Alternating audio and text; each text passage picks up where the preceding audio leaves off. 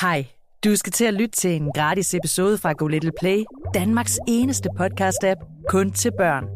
Vil du høre flere historier om alt fra dyr I skal du høre om et dyr, der sender sine børn med bussen. til godnat-historier, Mars og Messi, så hent Go Little Play i App Store eller Google Play og lyt alt det, du vil. Det koster 39 kroner om måneden. God fornøjelse.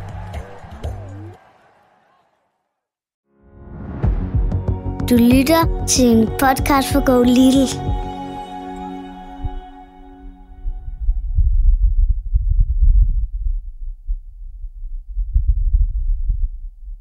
Sådan her lyder det cirka 60 millioner kilometer væk fra jorden.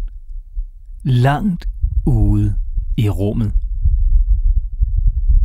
Lyden er optaget af en dansk mikrofon. Og prøv lige at lytte rigtig godt efter.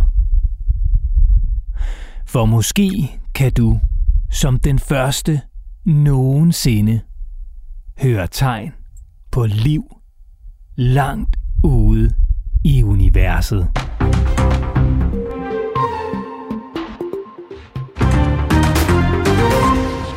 Det her er Go Little Update, hvor du hver uge kan blive mega klog på en af ugens største nyheder.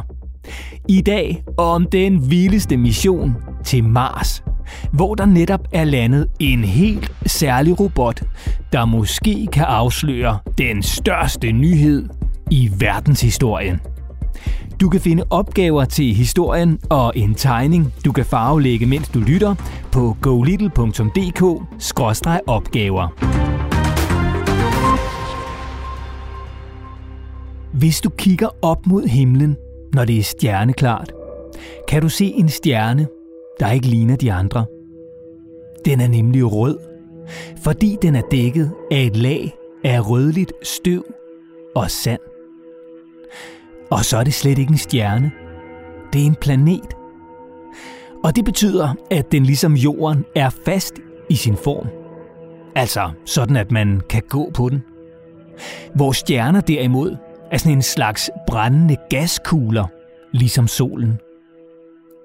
Den røde planet på himlen hedder Mars. Og den er helt særlig. Fordi forskere på jorden mener, at der måske engang har været liv på Mars. Ja, måske er livet her på jorden faktisk opstået på Mars, før det opstod på jorden, hvorefter det så er blæst ned på jorden og er blevet til dyr og mennesker. Vi ved det ikke, men begge dele er muligt. Og det er en ret flippet tanke. Og derfor har forskere på jorden i mange år været interesseret i den røde planet. Fordi den måske kan give os svaret på det vel nok allerstørste spørgsmål overhovedet. Er vi mennesker virkelig de eneste levende skabninger i universet? Eller har der været liv? Eller er der måske liv andre steder? Derfor har vi i mange år sendt raketter fra jorden til Mars for at undersøge planeten. I begyndelsen kunne raketterne kun flyve rundt om Mars. Så lykkedes det at tage et billede af Mars. Og for 50 år siden, i 1971, lykkedes det Sovjetunionen, der i dag hedder Rusland, som de første at lande på Mars med et landingsmodul. Det virkede dog kun i 20 sekunder, før det gik i stykker. Men man blev hele tiden klogere og bedre til at flyve ud til Mars og lande på planeten. Ikke med mennesker, men med maskiner. Og i 1997, for sådan cirka 25 år siden, lykkedes det så USA at sende den første robotbil til Mars, der kunne køre rundt på planeten og sende billeder og data hjem til jorden. Og det var en kæmpe ting. For nu kunne man ikke kun tage billeder fra det sted, hvor et landingsmodul landede. Man kunne køre rundt og finde endnu mere spændende steder at undersøge. Og nu er endnu en robot så landet på Mars. Det er den vildeste og mest avancerede Mars-robot nogensinde. Og en del af det vilde udstyr ombord er dansk. Robotten hedder Perseverance. Det betyder udholdenhed. Altså, at man kan blive ved med at gøre det samme i lang tid. Og Perseverance har en alt overskyggende mission. At lede efter liv på Mars. Perseverance blev sendt afsted fra NASA's base i Florida i USA den 30. juli 2020. Og NASA, ja det er navnet på den amerikanske virksomhed eller forening, der forsker i rummet. Perseverance blev sendt afsted med en kæmpemæssig raket, der hedder Atlas 5. Og i løbet af de mere end syv måneder fra opsendelsen, gik turen fra jorden mod Mars med en hastighed på mange, mange tusind kilometer i timen.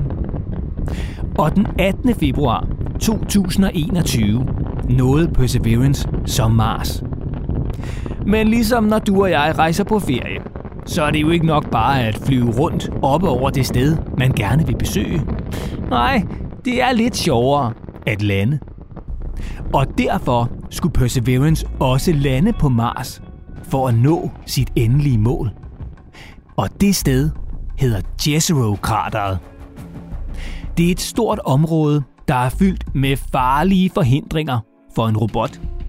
Som kæmpe huller, kløfter, sandbunker og store sten.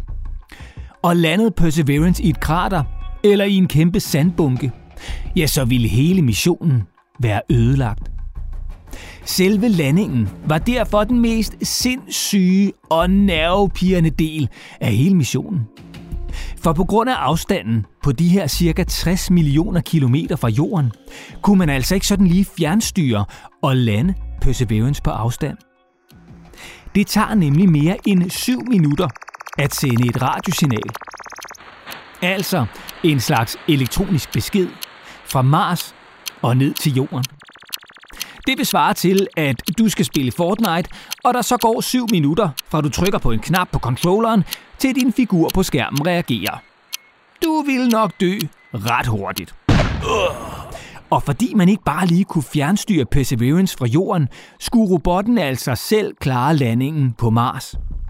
Og der var fart på. For da Perseverance ankom til Mars' atmosfære, altså luftlagene over planeten, fløj den med en hastighed på sådan cirka 20.000 km i timen.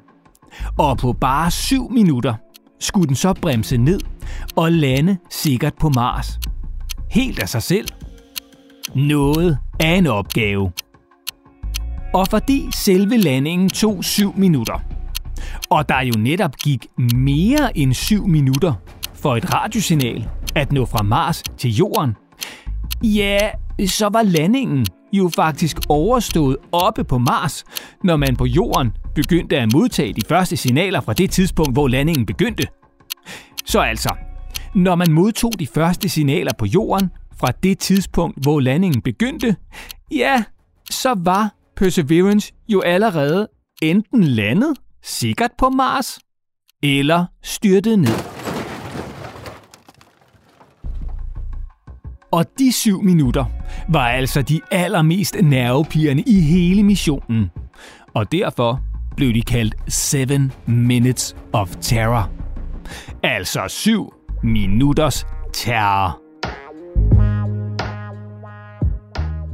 For at landingen på Mars skulle foregå så sikkert som muligt, havde man fra jorden indlæst et kort over planeten i Perseverance. Altså lidt ligesom en GPS i en bil. Og under landingen, ja, der skulle robotten så selv følge kortet og styre uden om sten, krater og bjerge. Og landingen, den lykkedes. Og den tons tunge robot på hjul, der også hedder en Mars Rover og er på størrelse med en bil, var landet sikkert på Mars. Og så kunne missionen begynde. Og så alligevel ikke helt.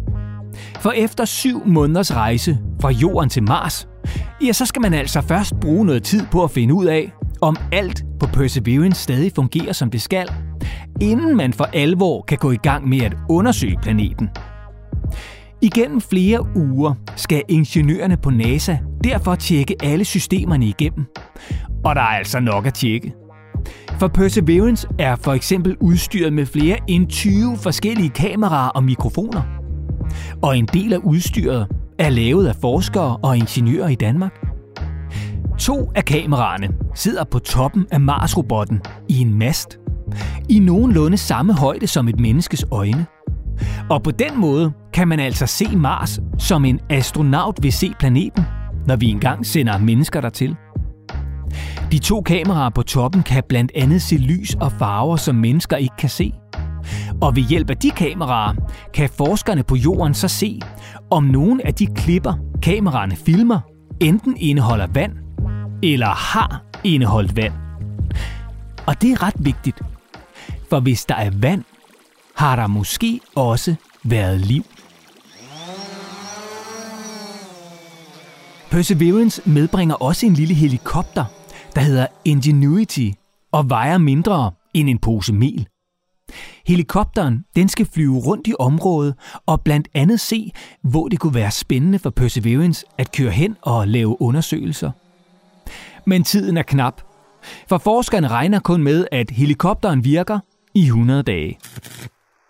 Perseverance har også en værstation med ombord, så den hele tiden kan sende information om vejret på Mars tilbage til Jorden.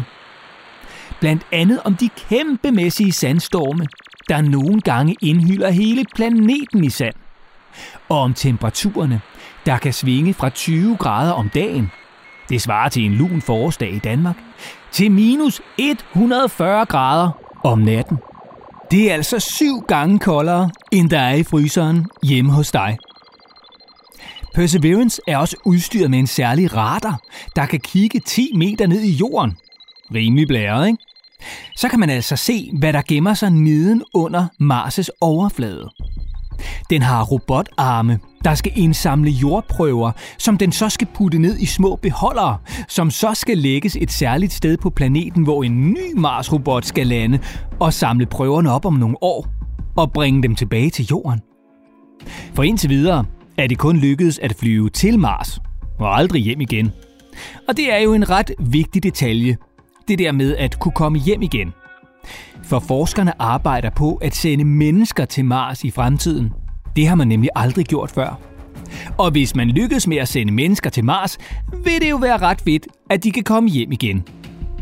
Men nogle forskere drømmer også om, at vi ligefrem kan bo på Mars i fremtiden, og aldrig vende hjem til jorden igen. Men for at det skal kunne lade sig gøre, så skal vi altså kunne trække vejret på planeten. Og det er der altså ikke nok ilt til. Derfor skal Perseverance også lave et forsøg med at producere ilt på Mars. For hvis man kan lave ilt, er der større muligheder for, at der i fremtiden kan bo mennesker på Mars. Og måske har der allerede været liv på Mars. Forskerne fra NASA mener nemlig, at lige præcis det sted, hvor Perseverance er landet, ja, det engang har været fyldt med vand og floder. Og derfor, ja, så er det et mega godt sted at søge efter liv. Og hvis nu Perseverance finder liv på Mars, eller beviser på, at der engang har været liv, ja, så vil det simpelthen være den allerstørste opdagelse i hele verdenshistorien.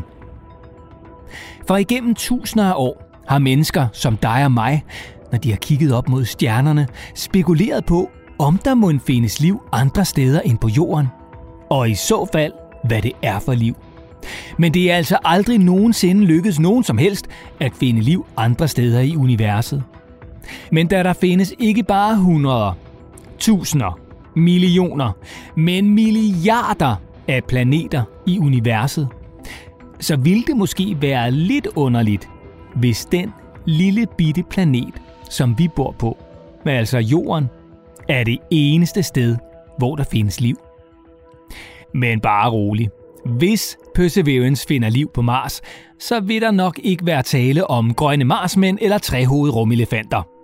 Det vil nok mere være bitte små organismer, altså planter eller dyr, der er så små, at man ikke kan se dem med sine egne øjne. Og det lyder måske lidt kedeligt, men det vil altså være den vildeste opdagelse. For hvis der er liv på Mars, eller har været det, så kan vi nok også være ret sikre på, at der er liv endnu flere steder i universet. Og måske det liv, som minder om os. Altså skabninger, der har arme og ben og kan tænke og tale. Og det vil jo være det mest sindssyge at forestille sig. Og hvis du vil se billeder fra Mars og af den dramatiske landing, taget af Perseverance, så kan du se dem på NASA's hjemmeside. Du finder et link til siden i show notes. Og kig nu godt efter på billederne. For måske er det dig, der som den første får øje på spor efter liv på Mars.